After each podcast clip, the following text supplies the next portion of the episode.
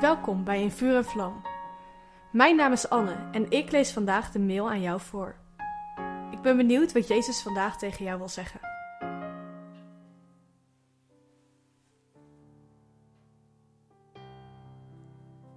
Priesters staan vooral bekend vanwege de offers die ze moesten brengen in de tabernakel en in de tempel. Ook tijdens de inwijding tot priester werden er offers gebracht. En wij brengen ook offers aan God. Maar toch zijn deze offers anders.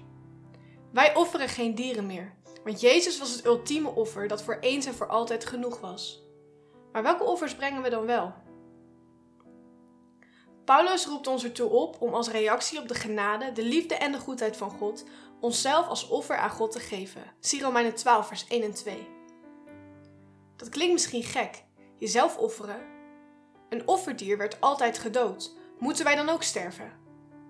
Maar gelukkig is dat niet nodig. Jezus is voor ons gestorven en daarom kunnen wij een levend offer zijn voor God.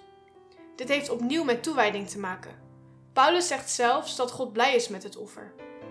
God vindt er vreugde in als wij onszelf als een offer toewijden aan Hem. Dat betekent dat we onszelf helemaal aan God geven en dat we gaan leven als nieuwe mensen. Het betekent dat we onszelf willen laten veranderen door God.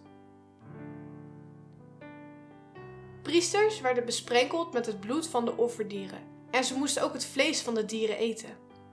Dit staat symbool voor de toewijding van de priesters. Bloed staat namelijk voor het leven. Zoals het offerdier zijn leven gaf, geven de priesters hun leven aan God. Vergelijk dit eens met het avondmaal. We nemen het bloed en het vlees van het offerdier Jezus, het brood en de wijn tot ons. Zijn bloed betekent voor ons leven. Zoals Jezus zijn leven gaf, willen we ons leven aan God geven. Met het avondmaal wijden we ons leven aan God toe. Daarnaast werden de priesters gezalfd met zalfolie. Dit staat symbool voor de Heilige Geest. Ook wij zijn gezalfd met de Heilige Geest als we geloven. Zie 1 Johannes 2 vers 20. Als we onszelf als levend offer toewijden aan God, dan geven we de Heilige Geest de ruimte om ons te veranderen. Het grootste offer wat we aan God kunnen geven is ons eigen leven. Daarnaast brengen we onze aanbidding en dankzegging aan God als een offer. De Bijbel roept ons op om God altijd te aanbidden en onophoudelijk te danken. Zie Hebreeën 13 vers 15. Juist als de omstandigheden er niet naar zijn, is onze aanbidding en dankzegging een offer voor God. Het helpt ons om boven onze omstandigheden uit te stijgen en te zien en te erkennen wie God is. Hij verandert nooit en hij is het altijd waard om aanbeden te worden. Soms zijn er moeilijkheden of tegenslagen in mijn leven. Vroeger werd ik dan bang, boos of verdrietig en kon ik erover klagen of zeuren. Maar nu ben ik gewend om in elke omstandigheid en in iedere situatie God te aanbidden.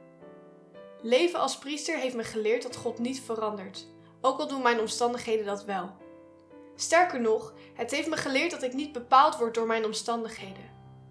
Nu aanbid ik God in alle omstandigheden. En dat helpt me om dankbaar te zijn, Hem te zien zoals Hij is en mezelf te zien zoals Hij mij ziet. Ben jij ook bereid om jezelf als levend offer aan God te geven?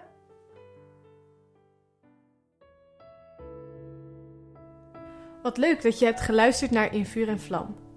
Heeft de tekst je geholpen om God beter te leren kennen? Deel In Vuur en Vlam dan met je vrienden. Meld ze aan op streef.nl slash in vuur en vlam.